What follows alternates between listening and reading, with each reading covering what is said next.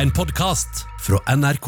Kinosommeren har vært litt slapp, men kinohøsten kan bli veldig fin. Og den starter allerede denne uka med Russell Crowe i en ny film. Den heter Unhinged, som er en enkel og effektiv trafikkthriller. Og hvis du heller vil se serien, så er Kevin Hart metamorsom i Die Hard.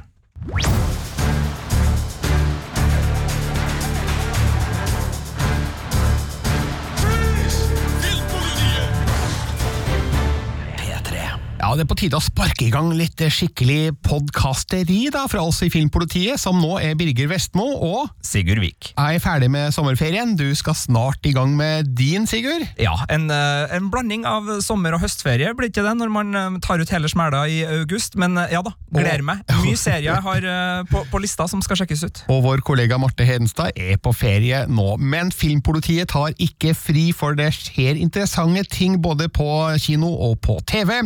Og når det gjelder kinohøsten, som du sa, Sigurd, eh, det, det har vært en del eh, endringer der på grunn av covid-19. Ja, det har vært en sånn rar uh, kinovår og kinohøst, hvor det starta med et ras av utsettelser. Jeg tror det var James Bond som var første film ut til å bare si veldig klart og tydelig det blir november, folkens. Det blir november. Og så har det fulgt opp. altså Vi skulle jo ha Top Gun i sommer, vi skulle ha så mye fint, men det har liksom blitt utsatt. Men de to filmene vi satsa på, da, det var Disneys Mulan live action remake og Christopher Nolans sin nye film Tenet. De to sto liksom veldig lenge på julipremiere og skulle komme til sommeren, skulle berge kinosommeren, gi oss den der blockbuster-feelingen.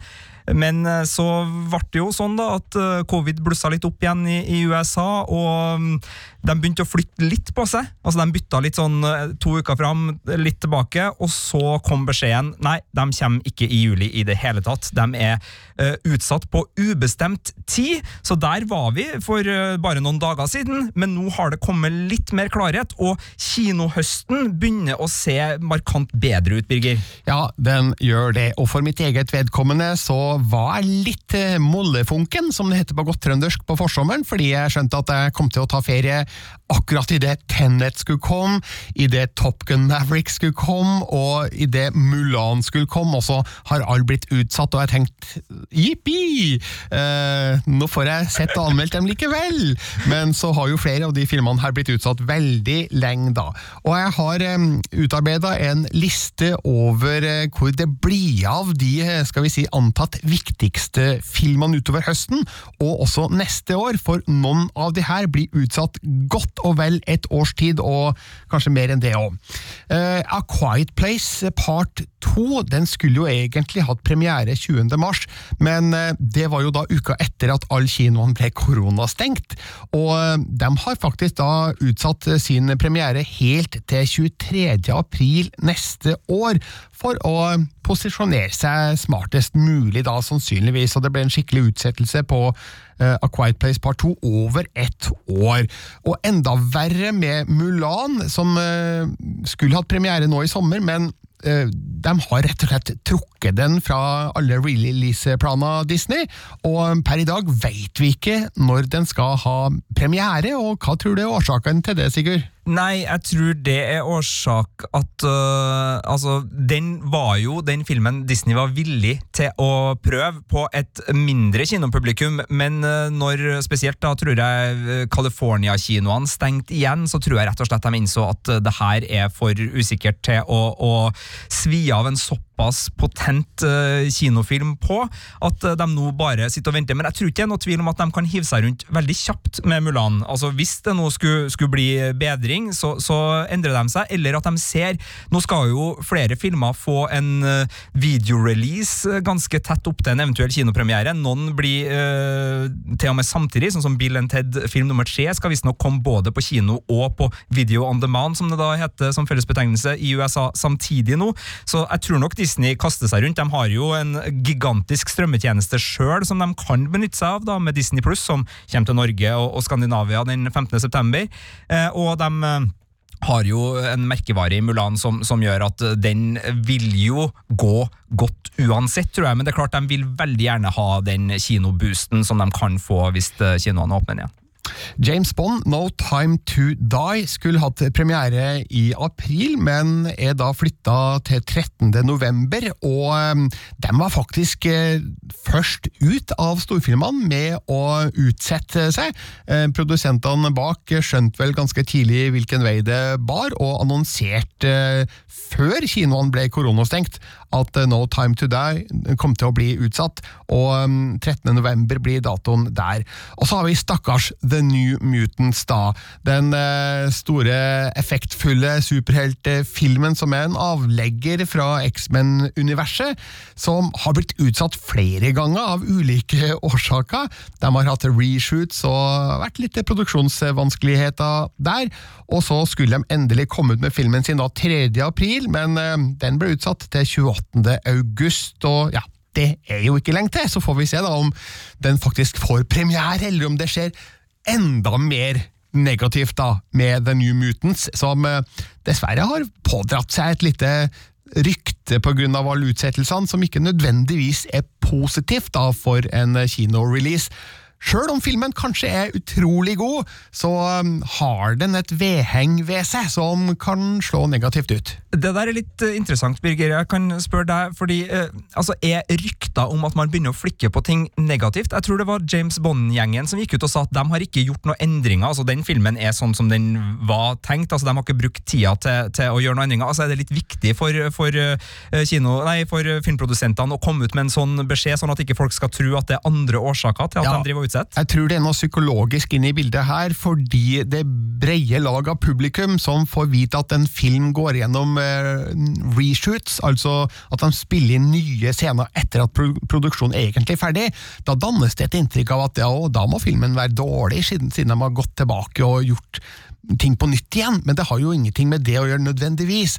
Altså, det er helt vanlig i Hollywood, og kanskje også i Norge for alt jeg vet, at uh, man går tilbake og gjør ting på nytt igjen eh, når de ser i klippen eksempel, at uh, ja, det funka kanskje ikke så bra, her kan vi gjøre det på en annen måte. Så det trenger overhodet ikke være et tegn på at uh, det er trøbbel i vente for filmen, men ut i publikum så kan det nok danse et inntrykk av at det er noe negativt ved en film som da viser seg å ikke være helt ferdig når man egentlig skulle ha vært ferdig, osv. Så, videre. så det er nok derfor eh, jeg ser også at Joseph Kosinski har jo gått ut og sagt at Top Gun Maverick er, den er helt ferdig. Uh, sånn at det er ikke noe flikking på gang der, så det er nok noe du er inne på der, Sigurd, som jeg tror er riktig. Jeg så, uh, Det er jo litt på siden, da, for det blir på serie og ikke film, men uh, Noah Hawley, som uh, står bak Fargo-serien, og for så vidt også Legion superheltserien, som også henger sammen med X-Men-universet, han gikk ut med en litt annen beskjed. Han var kjempeglad for at ting ble utsatt, for da fikk han endelig gjort det sånn som han ville. For i serieverdenen så jobber du jo under et tidspress som er Det er det selvfølgelig på, på filmsida òg, men det, det, er stort, det tidspresset i, i, dagens seriemarked. Så han så fram til da å kunne liksom i ro og mak finne ut hvordan skal jeg fortelle denne historien på best mulig vis. Så når Fargo eh, kommer, forhåpentligvis eh, til høsten, så med sin sesong fire, så er det en uh, sesong som det i hvert fall ikke går an å gjemme seg bak tidspress, og, og, at man ikke fikk det sånn som man ville, hvis den ikke sitter som et skudd. Videre på lista, vi går kronologisk til verks her. Antlers, produsert av Guillermo del Toro, skulle hatt premiere 17. april. Den er utsatt til 19. februar 2021. En grøsser med blant annet Kerry Russell, som ser interessant ut. til der der. Black Widow med Scarlett Johansen, innspilt på Sunnmøre. Delvis, i hvert fall. Uh, den skulle egentlig da komme 1. mai, men er utsatt da til 28. oktober nå i høst. Uh, Armando Januccis nye film, The Personal History of David Copperfield, den skulle ha hatt premiere 8. mai, flytta til 4. september. Den eh, nye så-relaterte filmen Spiral skulle komme 15. mai. Den er utsatt uh, et helt år, til 21. mai neste år. The Woman in the Window med Amy Adams den skulle egentlig hatt premiere nå denne uka, men premieren på den er også utsatt og ukjent. Wonder Woman 1984 med Gal Gadot den eh, skulle vi ha sett på kino 5. juni. Den er utsatt til 2. oktober, og vel, det vil jo vise seg, da. Er det tidsnok? Eh, det er jo flere andre store filmer som skal ha premiere også før det, men jeg føler meg ikke helt sikker på at det her er fastsatte datoer for eh, det amerikanske kinomarkedet, i hvert fall, når vi ser hvordan covid-situasjonen utvikler seg der. Nei, det der er litt snedig, og ø, du vet mer om det her enn meg, tror jeg, men i Christopher Nolan sitt tilfelle med, med Tenet, ø, er det noe snakk om at ø, det kan bli sånn at vi får se den på kino før amerikanerne? Ja, nå foregriper du begivenhetenes ah, gang her, men, eh, Ja, det siden- beklager jeg, Birgit. Ja, men siden du bringer Tenet på bane, så kan jeg godt ta den, for den skulle jo hatt premiere 17. juli, midt i min sommerferie, men den får da i stedet premiere 28. august i Norge, mens amerikanerne de må vente ei uke til. 3. september er foreløpig i hvert fall premieredatoen i USA, og så får vi se da om eh, den blir utsatt enda mer der, men det virker ganske trygt og sikkert nå at uh, Tenet kommer til Norge 28. august, og det er ikke lenge til! Nei, og, og, og grunnen, Vi skal tilbake til der vi var, altså på Wonder Woman. For det er det jeg lurer på, kanskje den, For den har blitt utsatt så mange ganger nå at, at man nesten må liksom Man må enten altså, drit eller kom deg av potta, heter det vel på godt engelsk. Eh, altså, det, det er noe med det òg. Hvis det blir utsatt og utsatt og utsatt til slutt, så, så mister jo nesten publikum litt interesse for det. Altså, det, det blir for mye ståhei og for lite action på, på kino. Ja, og dess lenger man venter, dess tettere blir det med allerede planlagte storfilmer og andre utsatte storfilmer som har lagt seg mellom der, så nå blir det litt om å gjøre å være først ut, tenker jeg, og det er muligens noe Christopher Nolan er interessert i å være, nemlig først ut, siden han er jo en av de virkelig store forkjemperne for kino, og øhm, jeg vil nok tro at han er villig til å gå på en liten økonomisk smell her, ved å la Tenet eh, slippes tidlig, altså tidlig i forhold til covid-situasjonen i USA, da. Ehm, Men hvis ikke det blir Tenet, så er det kanskje Wonder Woman 1984 da, som vil være den største, første storfilmen eh, ut på markedet i post-covid-tilværelsen, og det kan jo være en fjær i hatten da for, eh, for dem. Men eh, vi får nå vente og se da om det blir 2. oktober for Wonder Woman 1984. Skrekkfilmen Candyman, nyinnspilling av en aldeles fortreffelig eh, originalfilm. Den skulle hatt premiere 12. juni.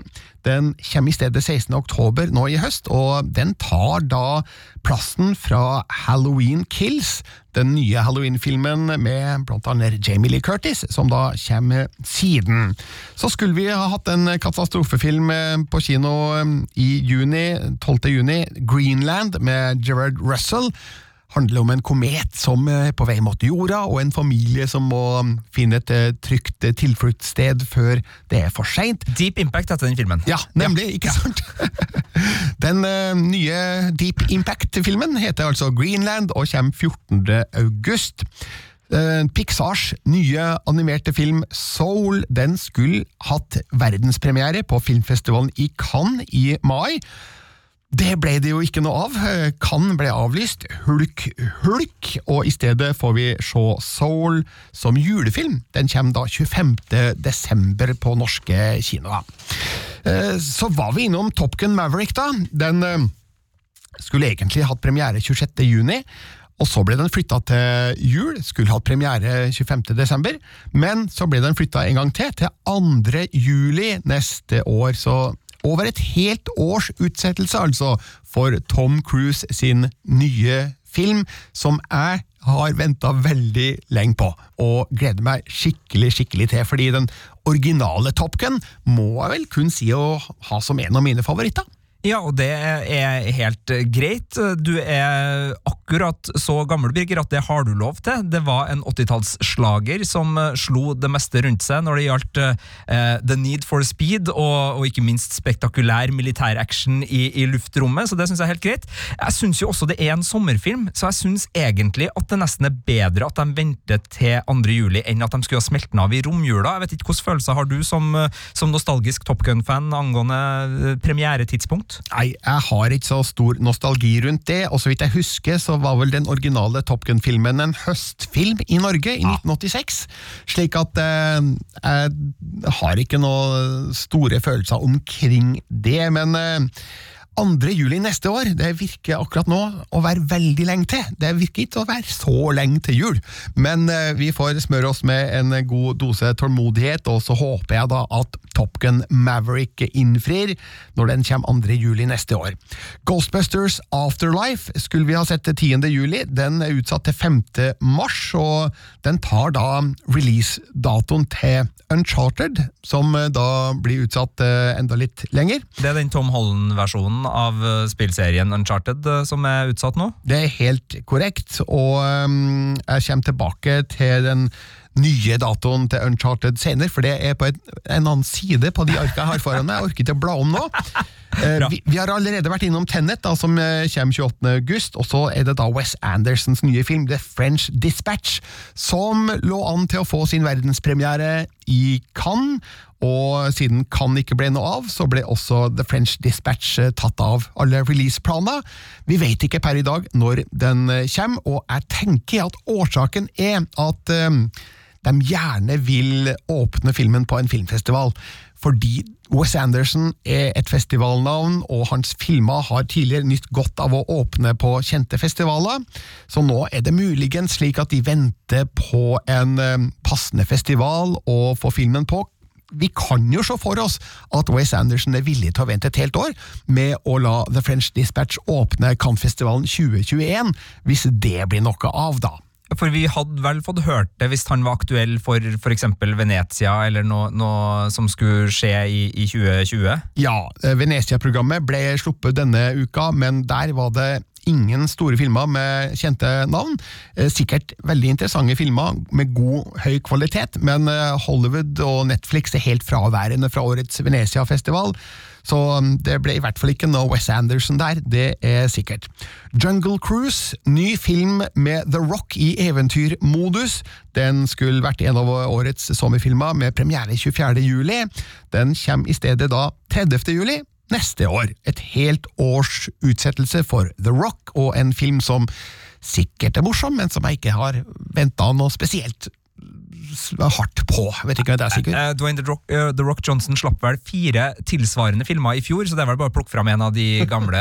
altså Enten noe, noe Jumanji eller noe Skyscraper eller noe ja, uh, Rampage eller noe annet. Nei da. Du, Dwayne har sine fans. Han leverer på jevnt høyt nivå. Han er ikke min favoritt-actionhelt. Han er for kul og usårbar til det, men et jungeleventyr til neste sommer med, med Dwayne The Rock Johnson, helt greit. Nå har vi vært gjennom filmene som skulle hatt premiere allerede. Nå skal vi over på filmene som skulle hatt premiere utover høsten, og um, The Conjuring, The Devil Made Me Do It, skulle komme 11. september. Altså, som du hører, ny film fra The Conjuring-universet, en populær serie som har hatt en del eh, ikke fullt så gode avleggere, som eh, for eksempel The Nun og Annabelle osv. Annabelle 2. Annabelle 2. Mm. nå kommer det da en helt ny Conjuring-film fra hovedserien, og den kommer da på kino 4. juni neste år. Edgar Wright skulle komme med ny film nå i høst, Last Night in Soho, med premiere 25.9. Du må vente til 23. april, Sigurd, for å se Edgar Wrights nye film. Og så er det mange som venter på The Many Saints of Newark, Alan Taylors nye spillefilm som skal vise den unge Tony Soprano, som mange kjenner fra serien The Sopranos. Den skulle vi hatt på kino 25.9. 12. mars 2021 er den nye datoen for The Many Saints of New York. Eh, den, jeg, kan ikke jeg få den på HBO nå? Altså, det... Som en sånn attåt-soprano-sak? Kan ikke de bare fikse det? Ja, um, ja, jeg skjønner hva du sier, men jeg vil se denne filmen ja, på kino, for det er åpenbart tenkt som en kinofilm. Og uh, strømmetjenester er flott og supert, men uh, som filmnerd så vil jeg jo påstå at uh, film er faktisk fremdeles best i en ordentlig kinosal. Ja da, Og den er sikkert ikke i 4-3-format heller. Nei, ikke det. Nei. ikke det. Venom var jo en film jeg ikke likte så veldig godt, sjøl om jeg terningkast to? Ja, terningkast to. Sjøl om jeg digger Tom Hardy, han er en utrolig kul skuespiller, men Venom likte jeg ikke, og jeg sa vel i slutten av anmeldelsen at jeg tviler på at det skulle komme en oppfølger, men oppfølgeren Venom Let There Be Carnage, den skulle komme um, 2. oktober. Den er da utsatt til 25. juni neste år, min bursdag, så da har jeg andre ting å bedrive tida med. Men kanskje er den bra. Jeg håper jo at uh, Venom nummer to er mye bedre enn nummer én for Tom Hardys uh, skyld. Da er vi på um, 9. oktober. Uh, da skulle Death on the Nile komme, altså Døden på Nilen er vel den norske oversettelsen. Agatha Christies roman som er filmatisert flere ganger, og um, nå er det Kenneth Branagh som uh, gjør en ny versjon. Han laga jo også en uh, ny versjon av Mord på Orientekspressen, med annet Johnny Depp i en av de sentrale ja. rollene. For uh, er det to år siden nå, mon tro? Tre, tror jeg kanskje. Tre, kanskje, ja. ja. Vil du vite hvem morderen i Døden på Nilen er, Birger? nei, fordi jeg husker jo ikke det. jeg har jo sett den originale filmen med er det Peter Ustinov som spiller Eh, hovedrollen der, men uh, det er så lenge siden at jeg husker ikke åssen historien gikk, så jeg skal vente til den får premiere 23. oktober i stedet for. Så det er ikke en veldig lang utsettelse på den filmen, altså det er snakk om bare noen få uker, men her har de måttet posisjonere seg sikkert da, i forhold til andre filmer som flyttes frem og tilbake. Men hvorfor er ikke en påskefilm? Um, Nei da, vi er rare i Norge. Vi liker ja. påskekrim. De ikke, det er ikke så viktig for resten av verden, det der med påskekrim, men, men, for meg så Jeg hørte jo Døden på Nilen som påskekrim på lydbok, nå som påska var det her. For ja. da, da, kjente jeg behovet for Agatha Christie. Men herlighet, jeg klarer fint en oktober, altså en høstkrim med litt Christie og Poirot. Det, det høres helt fortreffelig ut. Og så har jeg allerede nevnt Halloween Kills. Candyman tok jo da um, premieredatoen til Halloween Kills. Det er nok samme filmselskap inne i bildet her. De har i stedet flytta Halloween Kills til neste års halloween, fordi det er jo da åpenbart et poeng at filmen skal vises rundt halloween-tider, så 15. oktober er da datoen for Halloween Kills. Uh, The Eternals det er jo da en ny superheltfilm. Den skulle hatt premiere 6. november, flyttes til 12. februar, og um, den tar da datoen fra Shang-Chi and The Legends of the Ten Rings, som i stedet får premiere 7. mai 2021 som da tar datoen til Doctor Strange in the Multiverse of Madness, som i stedet får premiere 25. mars 2022. Så her er det Marvel som driver og flytter på sine egne filmer så det synger etter. Ja. Eh, de kan jo De må jo ha en viss avstand mellom alle de filmene, og ofte henger de jo litt sammen med sånne post-credit-sekvenser som viser glimt fra kommende filmer, og de har litt av et eh, puslespill å legge når de skal ha releaseplanen sin klar. Ja, og de har litt ekstra trykk akkurat nå, fordi de avslutta jo sin eh, fase tre med Avengers Endgame med et smell, og landa veldig mye av både historiene og for så vidt også direkte med liksom skuespillere tilknytta en del eh, rollefigurer. Så de trenger jo en god start, og for dem så kjører de jo nå ut De har jo da en liten utsettelse, men sannsynligvis 2020-premiere på TV-serien òg, som da er den Winter Soldier-serien som skal komme på, på Disney Pluss, og de har jo et, en rekke kinofilmer som nå skal både ta litt vare på, på gamle helter, men også lansere litt nye ting. Så, så jeg tror eh, Marvel og Disney gjør klokt i å porsjonere det ut sånn at det er en appetitt for eh, jeg var litt mett uh, sånn uh, etter Avengers Endgame i, i fjor, uh, og, og, det å liksom få i gang den, den sulten igjen, det, det, det tar litt Altså, de, de dreper med konge, men ikke med graut. altså, det, det, er et eller annet med at de må de må la oss få pust imellom slagene, og, og, jeg tror det er lurt av Marvel da å ikke bombardere, selv om de har jo økonomiske muskler til å gjøre hva pokker de vil. Det gjør det. Uncharted var vi innom, med Tom Holland i hovedrollen. Den flyttes fra 5. mars neste år til 16. juli neste år. John Wick 4 flyttes et helt år, fra 21. mai neste år til 27. mai 2022. Uh, eh, mer Keanu Reeves, The Matrix 4 flyttes fra 21. mai neste år til 1. april 2022. The Batman med Robert Pattinson i hovedrollen som uh, The Batman. Og den gleder vi oss til. Ja, Den gleder vi oss veldig til i regi av Matt Reeves. Den skulle hatt premiere på bursdagen min neste år, 25. juni. Flyttes da noen måneder til 1. oktober. Og så er det da den femte Indiana Jones-filmen med Harrison Ford som Indiana Jones nok en gang. I en alder av hvor gammel er han nå? 75? 8? 80? Jeg vet da søren hvor gammel han er. Han er rundt noen, mange og 70 i hvert fall. Eh, Den skulle hatt premiere 9. juli neste år, flyttes da et helt år til 29. juli 2022, og eh, med James Mangold som regissør. Ikke Steven Spielberg, for eh, Spielberg har ikke tid. Han konsentrerer seg nå om sin nyinnspilling av West Side Story, som forhåpentligvis kommer på kino nærmere jul. Ja, For den har ikke fått flytta premieren sin så langt. Nei, den står fast enn så lenge, så får vi se da om eh, det skjer ting med den etter hvert. Eh, den nye Spiderman-filmen, eh, som ikke har fått en offisiell tittel enda, den skulle vi ha sett 16. juli neste år. Den flyttes da til 17. desember og blir da en julefilm og tar plassen fra Avatar 2, som eh, må utsettes da pga. Eh, covid, og jeg kommer tilbake til Avatar-filmene. Mission Impossible nummer 7 skulle også komme neste sommer. Den flyttes til 19. november 2021, og så er det en ny film kalt Elvis på gang. Hva tror du den handler om?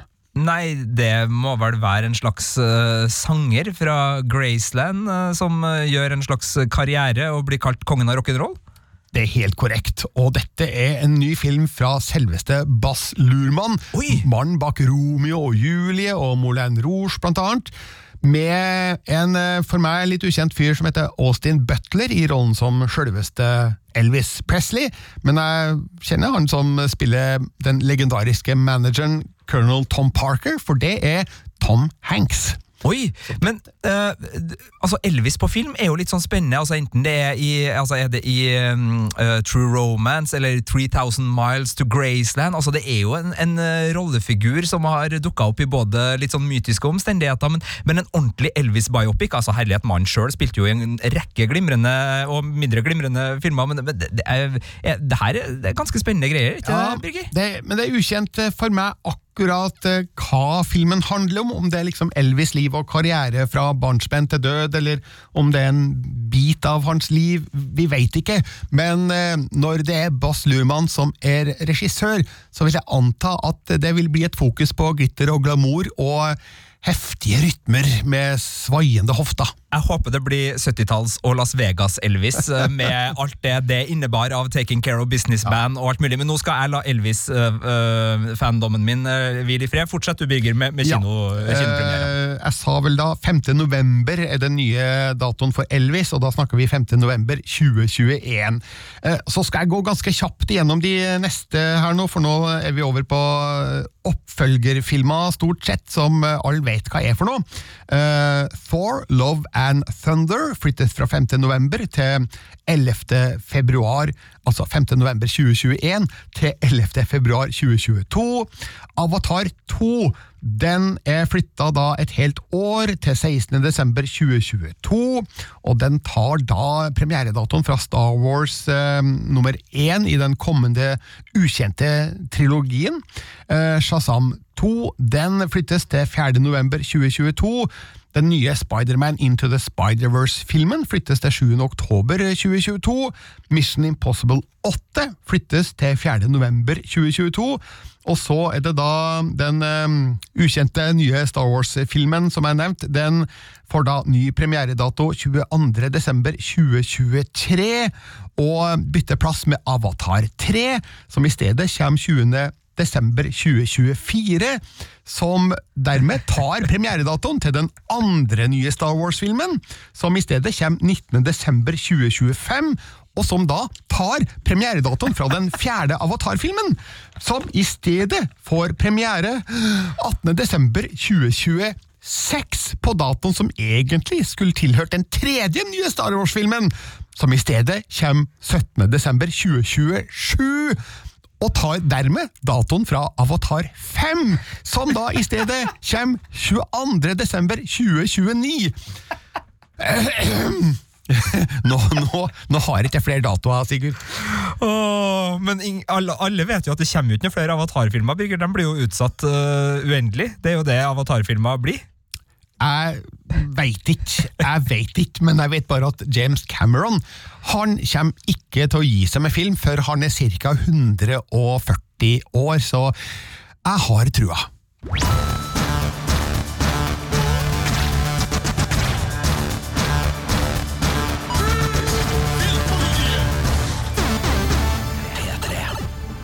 Nå har vi snakka mye om filmer som blir utsatt, Sigurd. Det er på tide å eh, snakke om en film som ikke er utsatt lenger, fordi Unhinged har nå norgespremiere.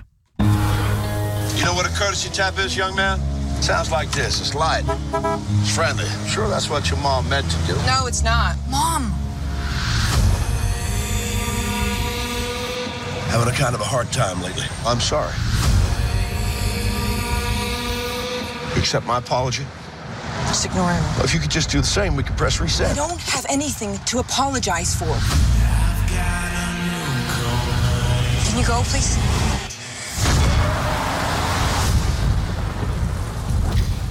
Unhinged er en road rage-film, som er en eh, kategori med ganske lange tradisjoner. Altså En mann som Steven Spielberg debuterte jo som regissør i 1971 med Duel, der eh, en mann eh, erta på seg en svær trailer med en sjåfør man aldri får se.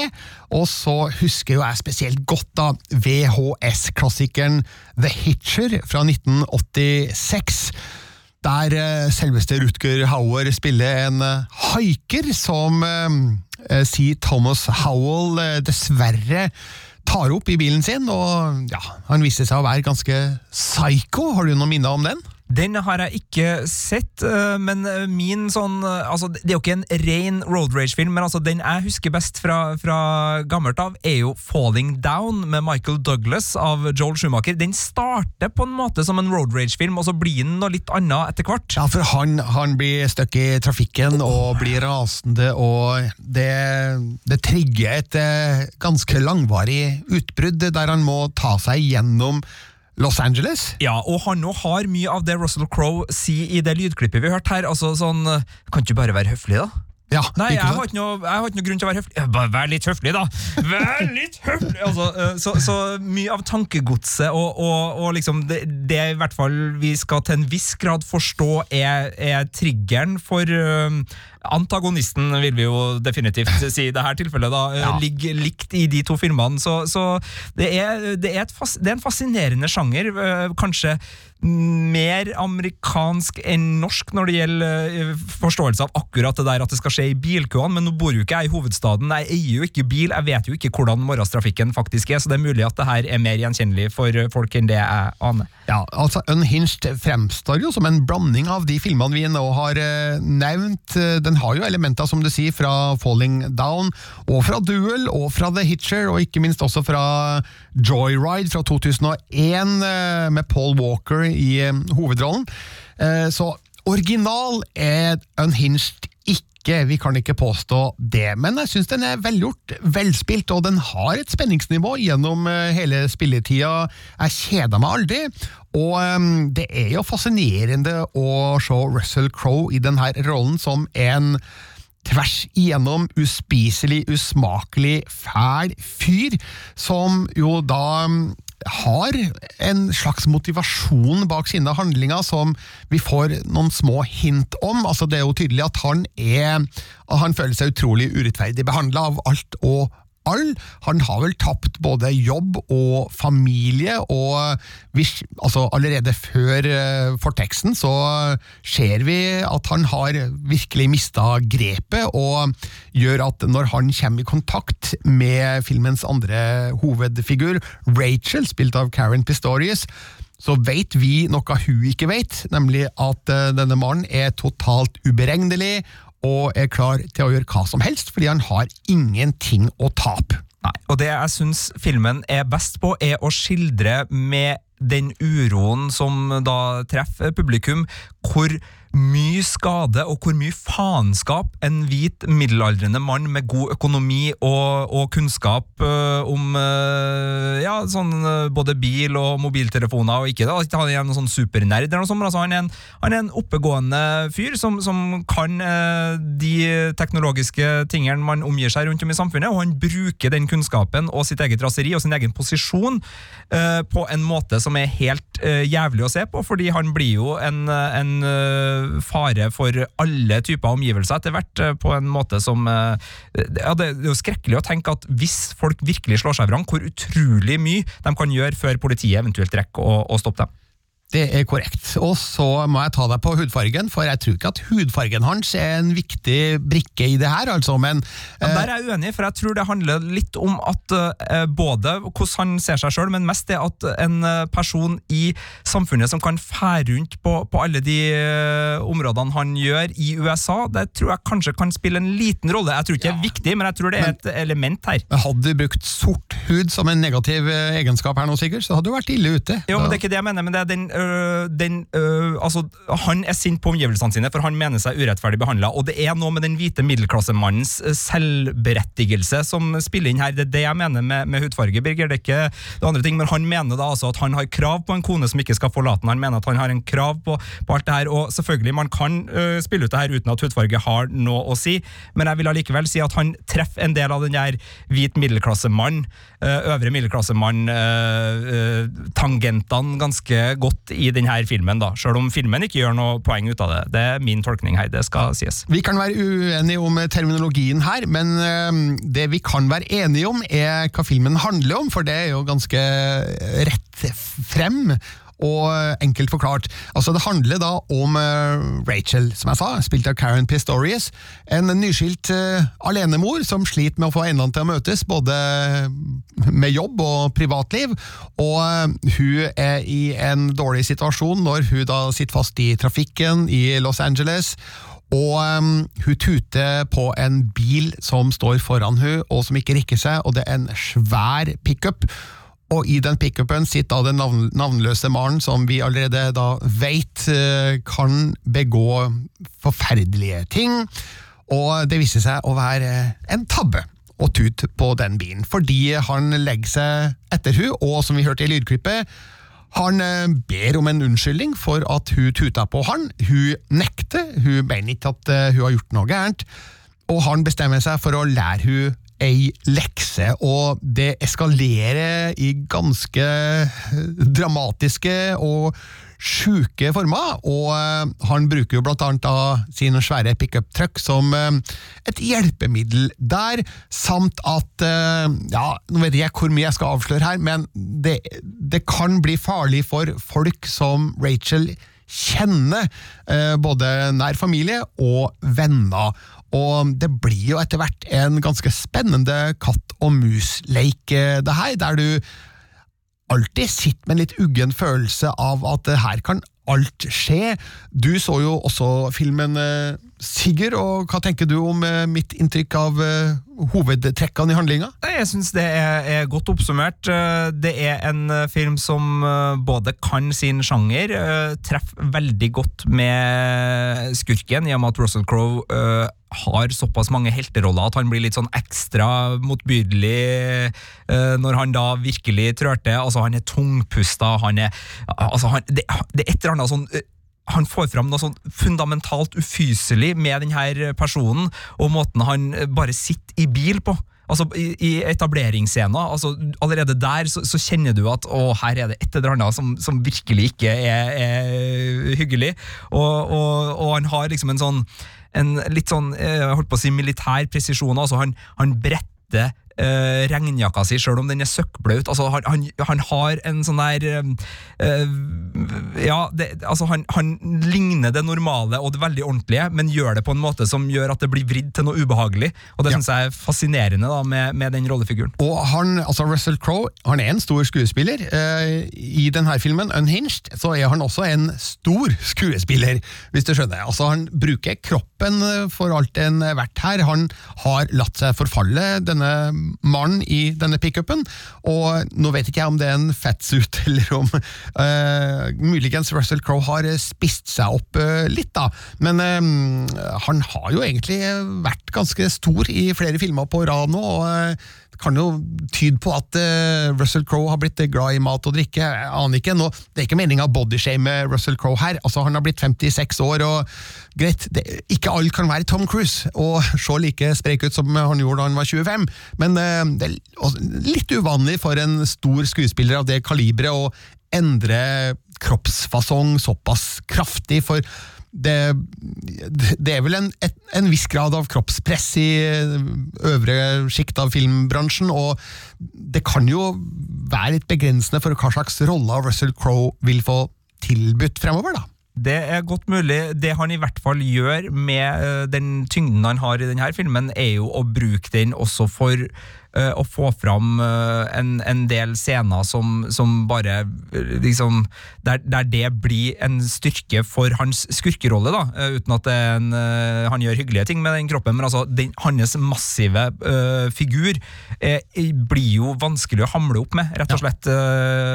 For, for, han tåler jo en del, den her mannen. og det gir litt mer troverdighet for en, en, mindre figur som skulle tåle så mye. Ville kanskje ha, det ville kanskje ha skurra litt og sett litt annerledes ut, men her er han faktisk så massiv at man tror litt på at han tåler de støytene han får, fordi han, han brumler videre. Han er som en svær bamse som bare liksom ja. Og det blir jo et veldig skjevt eh, styrkeforhold da, mellom denne Maren og uh, Rachel, som da spilles av Karen Pistorius, som er en eh, litt sånn tynn vever, spinkel skikkelse i en eh, gammel Volvo, mens denne mannen kjører da en, eh, som jeg sa, gedigen, svær pickup truck. og jeg syns at Karen Pistorius uh, gjør en, en, fin jobb med å spille ei kvinne som starter på et ganske nøkternt og hverdagslig ståsted, til å eh, finne den styrken hun, og motet hun behøver da, for å stå opp mot denne faren da, som truer hun. Ja, uh, og så er det, syns jeg, uh, veldig mye bra. Og så er det et par plasser i filmen, et par sånne tilfeldigheter som blir akkurat litt for tilfeldig til at det funker, og spesielt gjelder det mot slutten, kanskje. Er jeg på bærtur da, eller er du ja, litt enig? Nei, jeg er enig. Eh, du må nok godta en del eh, usannsynligheter gjennom denne filmen da, for, å, for, at den skal fungere for deg. og Det handler blant annet om hvor lang tid ulike ting tar. Hvor enkelt det er for Russell Crowes figur å finne ut av ting mens han kjører bil, f.eks., og hvor lang responstid politiet har i ulike tilfeller. Altså, det er noen uh, scener her der realismen strekker ganske langt, da. Ja. Og, uh, og, litt hvordan folk reagerer på ting, og hva folk får lov til å gjøre etter at de har vært gjennom ting og sånne ting. Og ja, ja. jeg, vet, jeg skjønner hva du sikter til, men jeg tenker at her kan vi kanskje ikke snakke noe mer om akkurat Nei. det. Nei. Men jeg er helt enig med deg, Sigurd. Så Unhinged det er en velgjort thriller. Den tilhører en spesifikk sjanger og den finner ikke opp kruttet på nytt på noe vis, men det er en engasjerende film som jeg syns var helt ålreit å se i en kinosal. Ja, og så har den et eh, anslag som er interessant, fordi den eh, da tematiserer road rage uh, på en måte som ikke er sånn du verden, nå fikk jeg enorm innsikt, men den, den setter settingen ganske godt, og, og, bruker da både amerikanske tall og amerikanske eksempler for å gi oss et innblikk i at køene i Los Angeles, Birger, de er ikke som køene i Trøndelag. Nei, de er ikke det, og takk og pris for det. En ting til slutt jeg må nevne som jeg har glemt, og det er jo å si at eh, regissøren av Unhinged, han heter Derek. Ja, han er tysk og heter Derek Borte. Eller Borte. Eh, borte, ja. Borte. Eh, hjemme uavgjort. Derek Borte. Men, men, for gode, gamle fans av den tyske detektivserien Derek fra 70-tallet, så er det utrolig kult at det finnes en, en, regissør som heter Derrick, og jeg skulle ønske at han var oppkalt etter Derrick i TV-serien, men eh, det viser seg at eh, Derek Borte ble født i 1967, som da er sju år før den første episoden av Derek gikk på tysk i fjernsyn, så dessverre. Har han en regiassistent eller en fotograf som heter Harry Klein? Han skulle hatt det. Han skulle virkelig ha hatt det. Unhinged den kan du se på kino eh, fra og med i morgen, fredag 31. juli. Og du kan lese hele anmeldelsen min på p3.no filmpolitiet.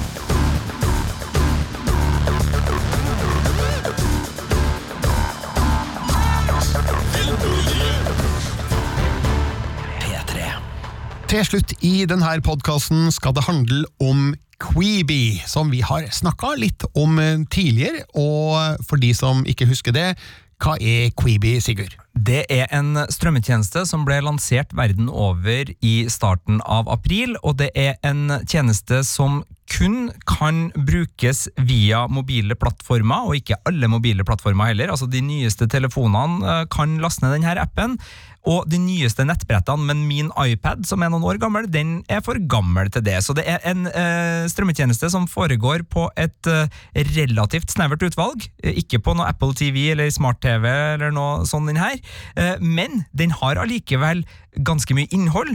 Og nå eh, sist, altså her de siste dagene som har gått nå, så har Kevin Hart og John Travolta dundra løs på denne strømmetjenesten med sin actionkomedie Die Hard. My whole life, I've dreamed of becoming an action hero. Now, Kev, people are just raving about this new movie of yours. You are working with Dwayne The Rock Johnson, playing his comedy sidekick again. Here's my question Why can't I be an action star? Tell me what I am and what I'm not. This is my time to shine. Welcome to Ron Wilcox Action Star School. I'm Ron Wilcox. Die Hard, altså, med en T på slutten der, og eh, vel Altså, nå har jeg aldri testa Queeby, og veit ikke hvordan det her eh, arter seg, men eh, når jeg hører navnene som er involvert i Die Hard, så blir jeg jo litt nysgjerrig, men, men har jeg grunn til det, Sigurd? Ja, du har jo det, men vi kan jo si det med en gang. da. Det her hadde vært mye bedre som en 90 minutters actionkomedie på kino. Ja, Det er en tiepisoders miniserie med åtteminutters episoder på Queeby. Eh, Det skjønner jeg jo, fordi Queeby er Queeby, men, men som fra, for, for mitt vedkommende, og for ditt vedkommende, Birger, den her hadde vi hatt lyst til å se på kino. Altså, Det er John Travolta i storslag, som da eh, action... eh, Treneren uh, Wilcox. Uh, Kevin Hart spiller jo Kevin Hart, uh, til og med eh, denne gangen med sitt eget navn, og da en, en slags sånn alternativ versjon av seg sjøl. du har da eh, skuespillere som Josh Hartnett, som dukker opp og spiller seg sjøl. Du har Jean Reno, eller Reno, eh, du uttaler det her navnet bedre enn meg? Jean Renault. Ja, som da spiller regissør av den litt franske sorten, som virkelig har eh, eh, blikk for det spektakulære og de fantastiske skuespillerprestasjoner. Og man har da ikke minst Natalie Emanuel, som da er kjent fra Game of Thrones, som spiller da en medelev av Kevin Hart på denne actionskolen. Det er jo en metakomedie, som alle skjønner, der Kevin Hart er lei av å spille morsom sidekick sammen med Dwayne Johnson i Dwayne Johnson-filmer. Han vil bli leading man. Han kontakter da eh, Jean Renauds eh, rollefigur, som er da actionregissør per excellence, og får beskjed om at du må på skolen til John Wilcox for å bli uh, Ron Wilcox, mener jeg, for å bli eh, stjerne, og det er en skole som er relativt eh, spesiell. Eh, den har trent opp alt fra Chuck Norris til Matt Damon, men metodene er ikke som eh, vanlige eh, skuespillerskoler. Men hvordan ser Die Hard ut? Altså, Ser det ut som en vanlig film, bare at den er delt opp i segmenter på ti minutter? Ved første øyekast, ja. Uh, ved første øyekast så er det her uh, en film som bare er liksom skrudd til sånn at etter åtte minutter så kommer det en eller annen form for cliffhanger. Det er jo ikke så uvanlig, altså det er jo vendepunkt i alle filmer, så den har liksom bare uh, mer mekanisk gått inn og, og passa på at de vendepunktene og cliffhangerne kommer da med veldig jevne mellomrom. Det er mellom sju og ni minutter, da, alle de ti episodene. Eh, men hvis man ser nærmere, så er det jo eh, forskjeller. Fordi uh, Queeby som strømmetjeneste eh, er sånn at du skal kunne se enten i høydeformat eller i breddeformat, alt ettersom. Og den fyller uansett hele skjermen. Så den er laga for at den skal kunne fungere i høydeformat, noe som gjør at den er veldig tett på og ansiktsfokusert, men du kan flippe telefonen og se det i det som blir en tilnærma widescreen da, i, i 16.9-format. Eh, hvis du strømmer det til TV-en din, det kan du gjøre nå via Airplay, eh, så vil den dukke opp i, i widescreen-formatet der. Der får du ikke høydeformatet. Men det gjør jo at den blir litt stiv i formen, rett og slett. Altså, den tar hensyn til at alt må liksom funke i begge formatene, og så blir den veldig ansiktsfokusert. Og jeg må anbefale alle som vurderer å se det her, se det i widescreen-format, fordi spesielt actionsekvensene blir merkbart dårligere når du ser det i høydeformat. Jeg så gjennom i, i begge versjonene, og, og, i stående mobilformat så, så er det her et uh, B-produkt sammenligna med hvordan det funker i widescreen. Det kan være at vi som gamle kinogjengere her blir, blir prega av hva vi er vant med, det, det er selvfølgelig mulig, Birger, men, men jeg syns ikke den blir, den blir i hvert fall ikke bedre av, av, høydeformatet. Andre Queeby-serier har funka i høydeformatet. Spesielt uh, thrillere har, som jeg har sett, har vært gode, for da er ansikt veldig viktig. Uh, men, men, her, hvor ansikt det er mer replikkene og actionsekvensene som er styrken til Die Hard, og da, da, da syns jeg det, det, er ja, unødvendig å, å lage den for, for den høydevinkelen. Altså, jeg registrerer jo at Queeby har fått litt negativ omtale i det siste, fordi de, de hadde jo da et mål om å få 7,4 millioner betalende abonnenter innen slutten av året. Eh, og så melder da analyseselskapet Sensor Tower at eh, de har mista 90% av de som meldte seg på gratis eh, prøvetida, som ja. vel var en uke eller to. Nei, da, 90 dager i Norge, i hvert fall. Dager, så jeg, jeg, er fremdeles medlem, ja. men har ikke begynt å betale enda. Men jeg har registrert et betalingskort, sånn men, at det er oppe og går. da. Så, men nå er det selvfølgelig veldig tidlig da i Quibis forhåpentligvis lange levetid, og det, det tar jo gjerne flere år før før man får etablert en sånn eh, strømmetjeneste helt, så man skal ikke avskrive Queeby ennå. Det er jo sterke navn involvert her, som uh, Jeffrey Katzenberg, uh, som er superprodusent fra Disney og Dreamworks, blant annet. så det kan jo tenkes at Queeby får stødigere bein å stå på etter hvert. Men hvis Queeby skulle gå nedom og hjem nå i løpet av neste året, tror du vi kan få se produkter som Die Hard klippa om til en spillefilm? Eh, det skal i hvert fall la seg gjøre ganske greit. Kanskje ikke en kinofilm, men en eh, rett på, på videosak eh, tror jeg absolutt det her lar seg klippe om til. For det, det, er ikke snakk om store omrigg for at den skal funke sånn.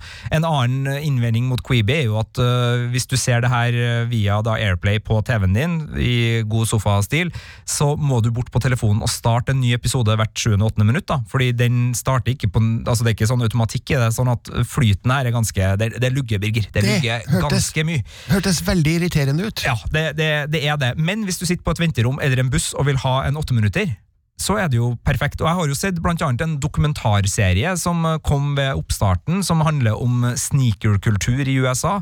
Den var helt forbilledlig til telefonbruk og, og Quibi-plattformen. Så av og til så har de ting som treffer, men det her er jo egentlig ikke en TV-serie. Det her er en film som de har gjort om til en TV-serie på litt sånn kålete vis, og, og sjøl om filmen er god nok, og metagrepene er gode nok. altså Det er John Wick-skaper eh, Derek Kolstad som har både uh, manus og, og, dreiebok her, sammen med, med uh, Tripper Clancy, som laga Stuber, hvis du husker den actionkomedien som kom for et uh, års tid siden? Nei. Med, ja, som, som, er, som, er, litt godt. Så, så, så, det kommer fra gode folk, og, og metahumoren her er god. altså Hvis du er actionglad, så vil du finne mye humor i både rekvisittkomikk, i, i en del poenger rundt hvem som får hovedroller i Hollywood, og hvorfor det nesten aldri er kvinner eller svarte. Selv om du selvfølgelig vil finne eksempler på det, så, så uh, har de humor på, på det her.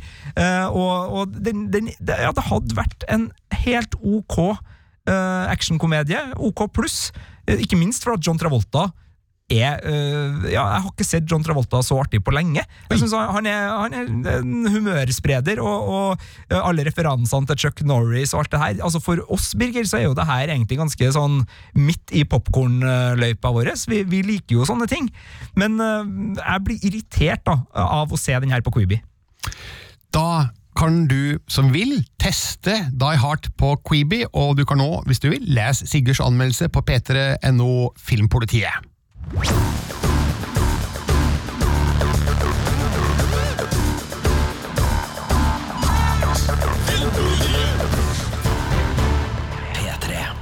setter punktum for denne podkasten, men eh, det skjer også ting neste uke. Du, Sigurd, du eh, tar ferie. Lykke til med det. Takk. Jeg gjør det ikke, og kan da se og anmelde annet den svenske filmen Min pappa Marianne, om et far-datter-forhold som settes på prøve når pappa kommer ut som kvinne. Det er Rolf Lassgaard som spiller pappaen, mens dattera spilles av Hedda Stjernstedt, eh, kjent blant annet fra nyinnspillinga av Fjols til fjells. Og så kommer det en ny sørkoreansk eh, zombiefilm, Peninsula, som er oppfølgeren til Train to Busan, også nå regissert av Yon Sang-ho. Um, som jeg ikke kjenner til annet enn fra Train to Busan. Og så er det en ny norsk eh, barnefilm som har premiere neste fredag, Totori. 'Sommeren vi var alene', som er regissert av Silje Salamonsen og Arild Østin Ommundsen. Så eh, det begynner å ta seg opp nå når vi også får nye norske kinofilmer denne høsten, så vi har ting å se frem imot. Men denne podkasten er over. Du finner oss på P3NO Filmpolitiet. Du kan sende oss e-post på filmpolitiet at nrk.no. Du finner oss på Twitter og på Instagram. Og så sier vi takk og farvel for i dag, nemlig Hva heter du? Sigurd Vik. Ja, det var det jeg skulle høre. ferie nå, Sigurd. Jeg har tatt ferie. nå, Altså, jeg tok, ferie nå. men når du sa ferie, Birger, da tok jeg ferie. Og jeg heter Birger Vestmo.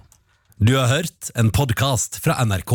Hør flere podkaster og din favorittkanal i appen NRK Radio.